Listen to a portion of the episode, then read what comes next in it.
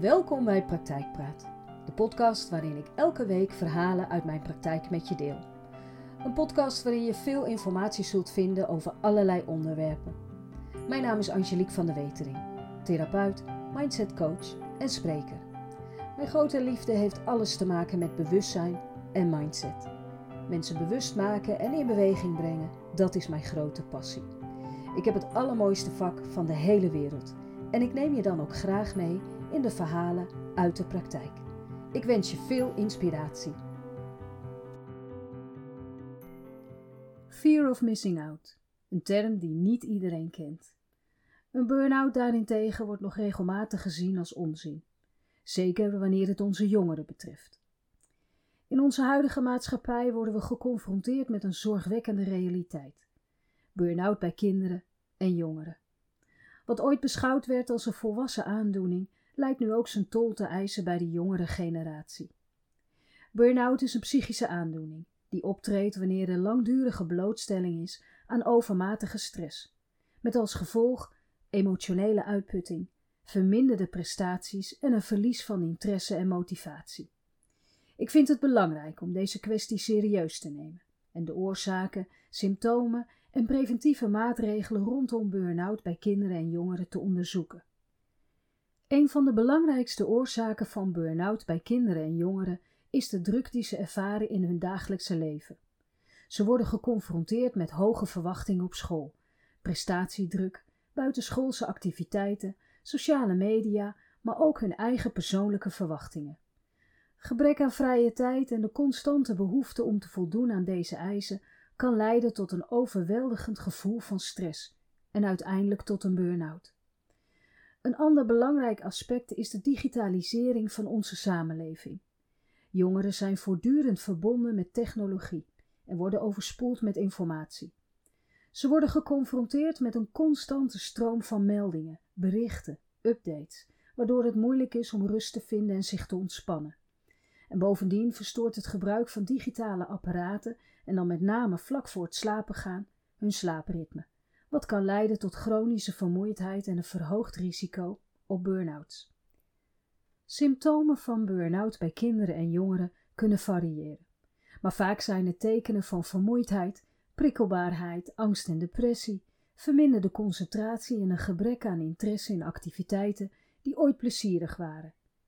Deze symptomen kunnen hun schoolprestaties, sociale relaties en algehele welzijn beïnvloeden. Het is van groot belang dat ouders, opvoeders en de maatschappij in het algemeen alert zijn op deze signalen en bereid zijn om ondersteuning te bieden. Voor de nog jonge Kim uit het volgende verhaal kwam een burn-out akelig dichtbij. Een traan rolt over haar wang en ik kan niet ontkennen dat dat me raakt. 17 jaar is ze en nu al burn-out materiaal. Alle alarmbellen gaan af bij mij en ik moet mijn best doen om de frustratie die ik voel geen ruimte te geven. Ik ben moe. School, sport, werk. Haar ogen hebben een doffe glans. Mijn ouders vinden het belangrijk dat ik een baantje heb. Zo leer ik omgaan met verantwoordelijkheid en geld. Sport vinden ze ook belangrijk. Dat hoort bij een gezonde levensstijl. En zelfs wanneer ik te moe ben, moet ik heen. We hebben ervoor betaald, zeggen ze dan. Ik ben soms te moe om met school bezig te zijn en krijg dan op mijn kop omdat ze vinden dat ik er te weinig voor doe. Tegenover mij zit Kim. Ze is moe. Iedere dag naar school, veel huiswerk, vier keer per week een lange dag van half negen tot vier en daarnaast traint ze twee avonden in de week. Ik word daar echt gelukkig van, maar de laatste tijd steeds minder. Op donderdag en vrijdagavond werkt ze bij een supermarkt, die haar regelmatig bijna iedere zaterdag en af en toe de zondag inroostert. 17 jaar en de lat al zo hoog. Door mijn hoofd gaat de vraag: waar blijft het genieten? Genieten van het jong zijn, lol maken met je vrienden, ontdekken wie je bent en waar je gelukkig van wordt. 17 jaar en al zoveel moeten, zoveel verantwoordelijkheid. Kortom, burn-out materiaal. Ik dwaal in gedachten af. We leven in een prestatiemaatschappij en dat is één van de belangrijkste oorzaken van een burn-out bij kinderen en jongeren.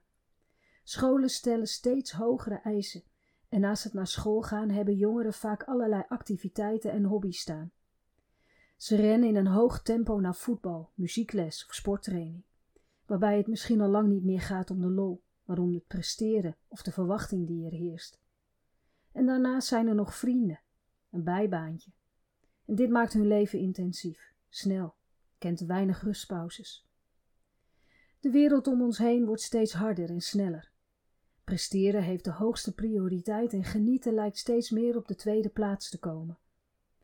Een grote rol spelen ouders in dit verhaal. Waar liggen je prioriteiten als ouder? Wat vind jij belangrijk voor je kind en wat laat je zelf zien? Vind je het belangrijk dat jouw kind kan genieten van haar of zijn jeugd? Of vind je het belangrijk om je kind al jong te leren omgaan met bijvoorbeeld verantwoordelijkheid of grenzen? En waar ligt hierin de balans? Persoonlijk? Ik denk dat er niets mis is met een bijbaantje, sport en dat na school en vrienden. Mits je kind ervan geniet, het aan kan en er blij van wordt, en daarnaast de ruimte heeft om het eigen zelfbeeld op te bouwen.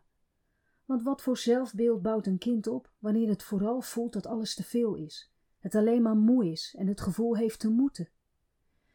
Druk opleggen in goede en, en slechte tijden kan verlammend werken. En weet je wat ik vaak denk? Jongens, doe eens rustig. Onze kinderen moeten misschien tot hun zeventigste werken. Tel je even mee? En is het dan zo erg dat ze eerst leren genieten, ontdekken en waar grenzen liggen? Ik hoor een snik en kijk Kim aan. Wat zou je het liefst willen? Ze staart naar de grond en blijft even stil. Ik zou willen dat ik kon toegeven aan mijn gevoel. Ze zucht. Wanneer ik voel dat het te veel is, durf ik daar niet aan toe te geven en voel ik druk om door te moeten gaan. Wat maakt dat, Kim? Het lijkt of al mijn vrienden dat ook doen, ook al hoor ik ze ook best vaak dingen vertellen waar moeten in voorkomt. Ze schudt haar hoofd. Mijn ouders begrijpen het niet. Ze gaan zelf altijd door. Mijn moeder zegt wel eens bang te zijn dat ze iets belangrijks mist. Weer schudt ze haar hoofd. Fear of missing out, zeg ik. Ja, dat ja. Terwijl ik het liefst alles negeer wat met sociale media te maken heeft. Appjes bijvoorbeeld wil ik lezen wanneer het mij uitkomt en niet wanneer dat van mij verwacht wordt. Mijn ouders zitten nog net niet vastgeplakt aan hun mobiel. Ik moet lachen. Een beetje de omgekeerde wereld, waar we onze kinderen willen leren niet dag en nacht op hun telefoon te zitten, gaat het bij jou thuis net andersom. Ze knikt. Misschien komt het wel omdat mijn beide ouders een baan hebben met veel verantwoordelijkheid. Kim haalt haar schouders op. Ik blijf even stil, onder de indruk van haar lege en vermoeide blik. Denk je niet, Kim, dat wanneer je een baan hebt met veel verantwoordelijkheid en er veel van je gevraagd wordt, dat het dan juist belangrijk is om je rust te pakken? Even geen telefoon, even geen moeten? Een flauwe glimlach glijdt over het gezicht van Kim. Vertel dit mijn ouders maar. Ik glimlach en zeg: Graag. Niet veel later zitten Tim en Alice, de ouders van Kim, tegenover mij. Ik heb ze verteld wat ik zie bij Kim en bij mijn opmerking dat ik Kim als burn-out materiaal zie, veert moedig geraakt omhoog. Nou, dat vind ik nogal wat. Ze is pas zeventien, hè? Ze kijkt me strak aan en wacht op mijn reactie. Ik blijf even stil, om mijn woorden wat kracht bij te zetten. Juist daarom. Alice gaat verzitten en vraagt: En waar haal je dat uit? Wat zie je, Alice, wanneer je je kind aankijkt? Ze kijkt naar haar partner alsof ze wil vragen: Vind jij dit ook zo'n belachelijke vraag? Dit is een hele serieuze vraag, die ik niet voor niets stel. Ik kijk moeder aan en zie in mijn ooghoek vader rechtop gaan zitten. Hij schuift zijn stoel iets naar achteren, alsof hij de ruimte wil nemen om dit goed in zich op te nemen. Alice leunt iets naar voren en zegt: Ik zie een gezonde puber die van alles wil en leuk vindt. Ja, ze is soms wat moe, maar hoort dat ook niet bij een puber? Zeker hoort dat bij een puber. De ontwikkeling van het puberbrein kost namelijk ontzettend veel energie. Juist daarom kaart ik dit aan. Alice houdt haar hoofd schuin, niet helemaal begrijpend waar ik heen wil. Ze zegt: Maar nou ben ik wel benieuwd naar wat jij dan ziet, want ik denk niet dat wij hetzelfde zien. Wat ik zie is een doffe, vermoeide blik bij Kim. En ook haar houding laat mij zien dat ze er niet altijd evenveel zin in heeft. En wanneer ik naar haar luister, hoor ik veel moeten. De lat ligt hoog voor haar, te hoog. En daardoor verliest ze langzaam het plezier in de dingen waar ze eigenlijk van hoort te genieten. Bij mij gaan er allerlei alarmbellen af. Alice kijkt Tim aan en zegt: Wat een onzin. Waarom zie ik dat dan niet? Weer kijkt ze naar haar partner. Tim knikt en zegt: Ze heeft gelijk, ik zie het ook. Ik had alleen niet door dat de oorzaak een te hoge lat is en het resultaat een burn-out kan zijn.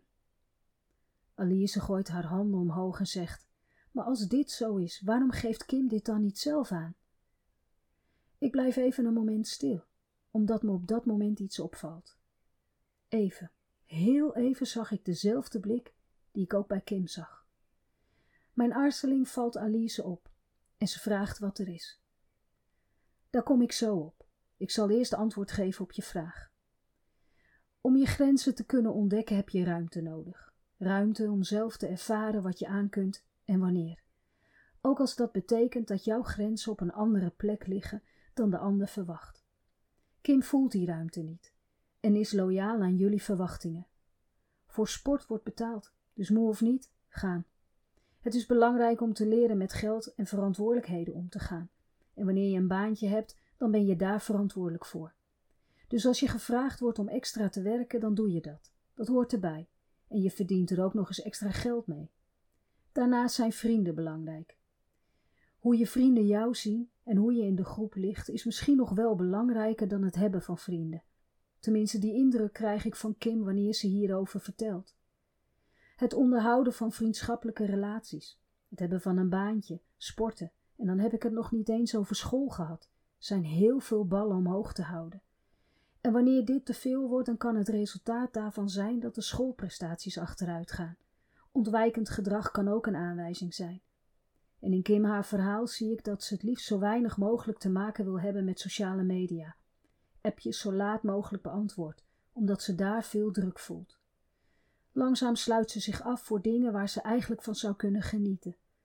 Alleen Kim ziet dit als moeten, en dat is voor mij samen met haar vermoeidheid een alarmbel. Daarnaast denk ik ook dat Kim een jonge dame is die beter gedijt bij rust en regelmaat dan bij het heen en weer vliegen tussen allerlei dingen die zogenaamd leuk moeten zijn. Ik blijf stil en kijk beide ouders aan. Vader schuift zijn stoel weer naar voren en zegt: Ik kan mij heel goed vinden in wat je vertelt. Alice schuift haar stoel naar achter, alsof ze de boodschap niet wil horen en zegt: Nou, ik niet. Ik vind het niet meer dan normaal dat wat je net allemaal noemde, dat Kim daar gewoon aan deelneemt. Ik haal mijn handen door mijn haar en denk even goed na over hoe ik dit ga zeggen. En dat, Alice, is onderdeel van het probleem. Ze slaat haar ogen neer. Alice, de blik die ik bij Kim heb gezien, zie ik ook bij jou. Je moet denk ik heel veel van jezelf. Wilt, kan, mag niets missen, want stel dat. Stel dat je dan niet meer meedoet. Mensen je niet meer aardig vinden of erger nog, misschien wel beter presteren dan jij en je daardoor kansen mist.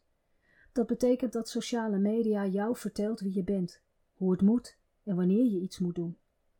Ik schat in dat je je vergelijkt met alles wat je leest en ziet op sociale media, waardoor bij jou de lat steeds hoger komt te liggen. En dan gebeurt er iets dat ik nog niet verwacht had. Alice slaat haar handen voor haar gezicht en begint hard te huilen. Ik kan niet meer, stamelt ze. Tim slaat zijn armen om haar heen en trekt haar naar zich toe.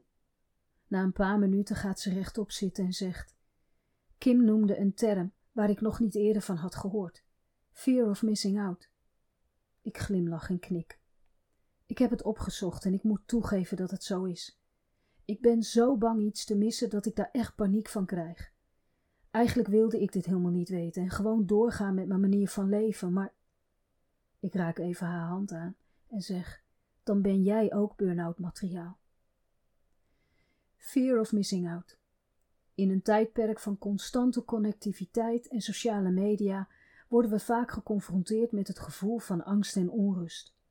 Het is een fenomeen dat bekend staat als fear of missing out, de angst om iets belangrijks of iets leuks te missen. Fear of missing out kan een aanzienlijke impact hebben op ons dagelijks leven en welzijn. En daarom is het belangrijk om deze emotie beter te begrijpen. Het wordt versterkt door de voortdurende stroom van informatie en updates die we via onze smartphones en sociale media platforms ontvangen. We worden geconfronteerd met de prestaties, ervaringen en hoogtepunten van anderen. En we hebben dan sterk de neiging om onszelf daarmee te gaan vergelijken. Waarom zij wel en lukt het mij niet? Dit kan leiden tot gevoelens van ontevredenheid, eenzaamheid en zelfs depressie. Sociale media spelen een grote rol bij het versterken van fear of missing out. Platforms zoals Facebook, Instagram en Twitter tonen vaak gefilterde versies van het leven van mensen, waarbij alleen de hoogtepunten en positieve momenten worden gedeeld. En hierdoor ontstaat de illusie dat het leven van anderen altijd spannender en succesvoller is dan dat van ons. We worden geconfronteerd met foto's van exotische reizen, luxueuze feesten en perfecte relaties, waardoor we ons nog meer druk maken over wat we missen. Fear of missing out kan ook invloed hebben op onze besluitvorming en ons gedrag. We voelen ons verplicht om aanwezig te zijn bij elk sociaal evenement, elke bijeenkomst of elke uitnodiging, omdat we bang zijn om buiten de groep te vallen. En dat kan uiteindelijk leiden tot overbelasting, uitputting en een gebrek aan zelfzorg. We zeggen ja tegen dingen die we eigenlijk niet willen doen, simpelweg omdat we bang zijn iets te missen. En om de negatieve impact van fear of missing out te verminderen, is het belangrijk om bewust te zijn van ons eigen gedrag en ons eigen gedachten. We moeten erkennen dat wat we op sociale media zien slechts een klein deel van het hele plaatje is. Het is belangrijk om te beseffen dat iedereen hoogte- en dieptepunten heeft en dat niemands leven voortdurend volmaakt is.